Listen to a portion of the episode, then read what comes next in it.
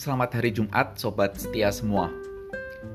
Hari ini kita sudah memasuki hari Jumat terakhir di bulan Maret dan akan memasuki bulan keempat di tahun 2022. Sekali lagi, bagaimana perjalanan hidup kita selama satu bulan? Kiranya renungan setiap hari Jumat dari SS Podcast boleh menemani perjalanan iman dan kehidupan sobat setia semua. Dan hari ini, saya sekali lagi mengajak kita semua untuk mendoakan bangsa dan negara kita, khususnya menjelang bulan puasa. Kita doakan supaya semua berjalan dengan baik, keamanan dianugerahkan kepada negara ini, kedamaian diberikan, dan khususnya pandemik juga boleh tetap terkendali sampai dengan detik ini. Hari ini, Mazmur 9 akan menjadi perenungan kita, dan saya memberikan sebuah judul, Ayo, letakkan harapanmu pada Allah.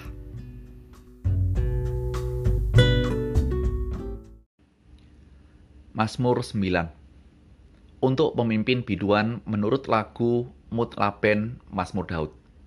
Aku mau bersyukur kepada Tuhan dengan segenap hatiku. Aku mau menceritakan segala perbuatanmu yang ajaib.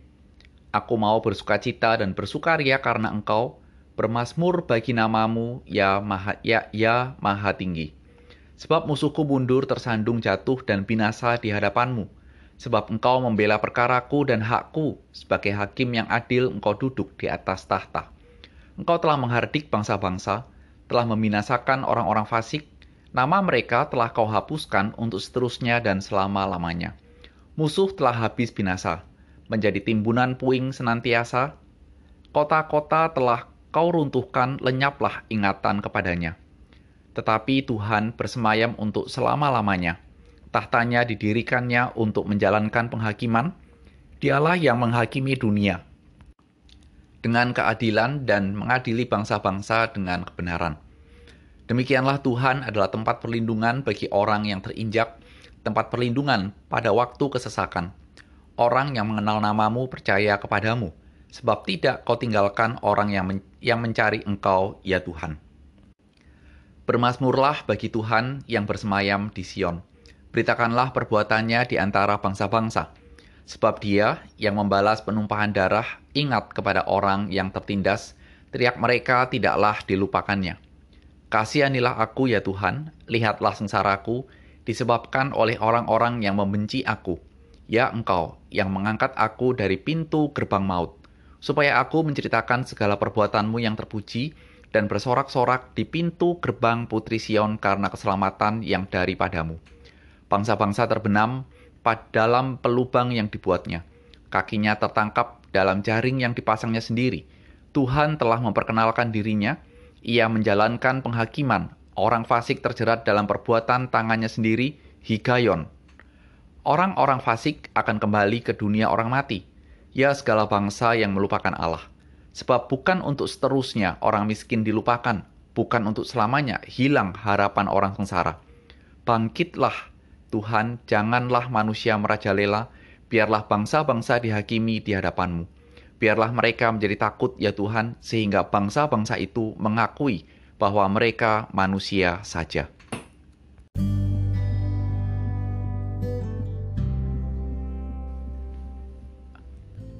Mari kita berdoa. Bapa kami dalam surga, Engkau adalah pencipta dan penebus kami dalam Kristus. Hari ini kami akan kembali merenungkan firman-Mu, berbicaralah kepada kami melalui firman Tuhan. Demi Kristus, amin. Sobat setia yang dikasih Tuhan, sebagai orang Kristen sering kali kita diajarkan sejak kecil baik oleh guru, baik oleh dosen, baik oleh orang tua, tentang Tuhan. Kita diberitahu tentang siapa Allah.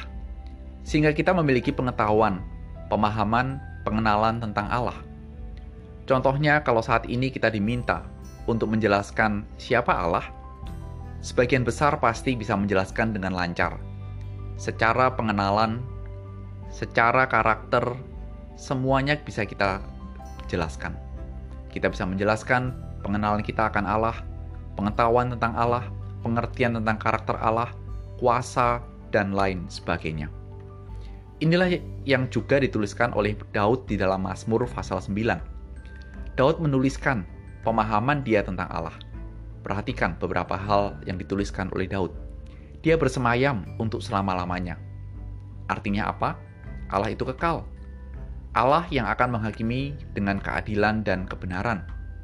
Itu clear muncul dalam ayat ini.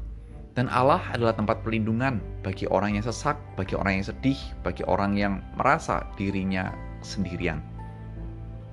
Allah juga mengenal orang-orang yang percaya kepadanya. Allah tahu, Allah sangat mengenal kita. Dan Allah juga digambarkan sebagai sebagai pembela. Allah yang membela perkara orang-orang benar. Itulah sekelumit yang dituliskan oleh Daud dalam bagian ini.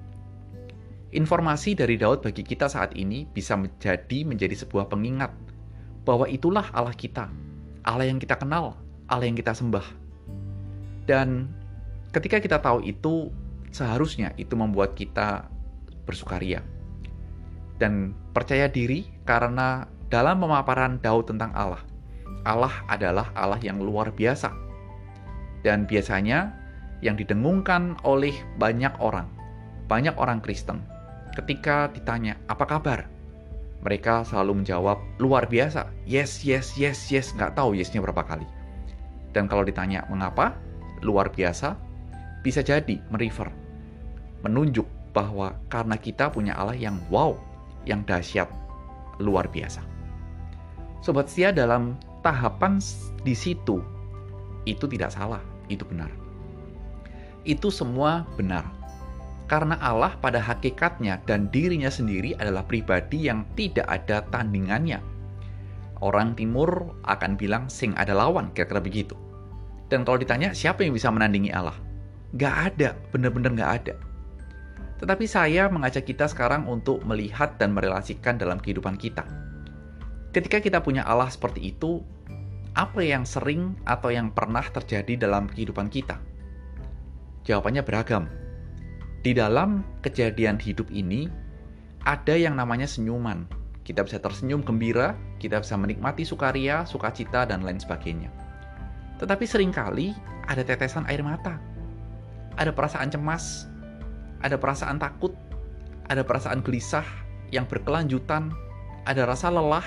Mungkin saat ini kita semuanya sedang lelah, sedang capek, karena perkara datang silih berganti, banyak masalah yang harus kita kerjakan, harus kita selesaikan, sehingga akibatnya adalah hilang harapan, dan kita merasa kok tidak ada yang menolong ya, dan keadaan hidup terlihat tidak membaik, tapi memburuk.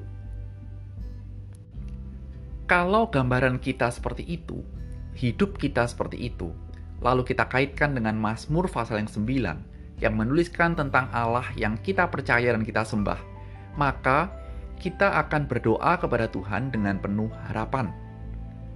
Kita doa dengan penuh keyakinan, tapi itu biasanya di awal.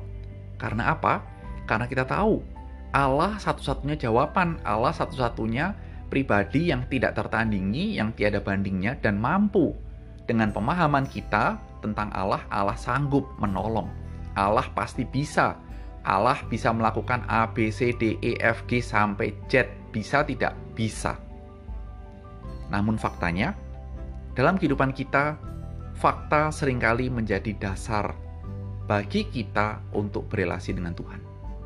Day by day, week by week, Hari lepas hari, minggu lepas minggu, kita merasa keadaan kita tidak membaik. Keadaan kita sama saja. Orang Jawa bilang sami mawon. Musuh tetap beria-ria. Orang yang menyakiti hidup kita tetap hidup seenak-enaknya dan tetap hidup ketawa-ketawa. Yang berlaku curang terkesan hidupnya enak banget. Nggak terima hukuman apa-apa sesuai dengan perbuatannya yang berlaku setengah mati taat kepada firman Tuhan merasa bahwa hidup kok begini-begini, hidup kok setengah mati. Itu sering kali konsep yang ada dalam benak kita. Dalam kondisi seperti ini, pengenalan akan Allah kemudian terhubung dengan keadaan hidup kita dan menghasilkan sebuah kebingungan. Kita bingung, lah kok jadi begini? Allah yang luar biasa kok seakan-akan diam.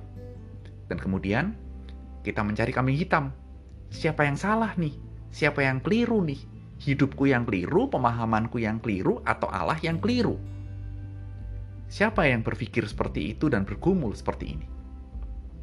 Dalam kondisi seperti ini, maka kalau kita membaca Mazmur pasal 9, bisakah kita bersyukur seperti Daud bersyukur di Mazmur pasal 9 ayat-ayat yang awal? Rasanya akan sulit, dan mungkin kita akan ngomong lebih baik gak usah dibahas lah. Itu jauh banget dari hidupku. Sobat setia, satu peristiwa yang dicatat di dalam Alkitab ketika Daud dikejar oleh Saul di daerah pegunungan Sif. Saat itu Daud terjepit, hampir tertangkap. Bahasa saya adalah selangkah lagi Daud ketangkep. Dari proses yang kalau kita filmkan terjadi detik demi detik, kita bisa merasakan frustasinya dan takutnya Daud. Karena apa?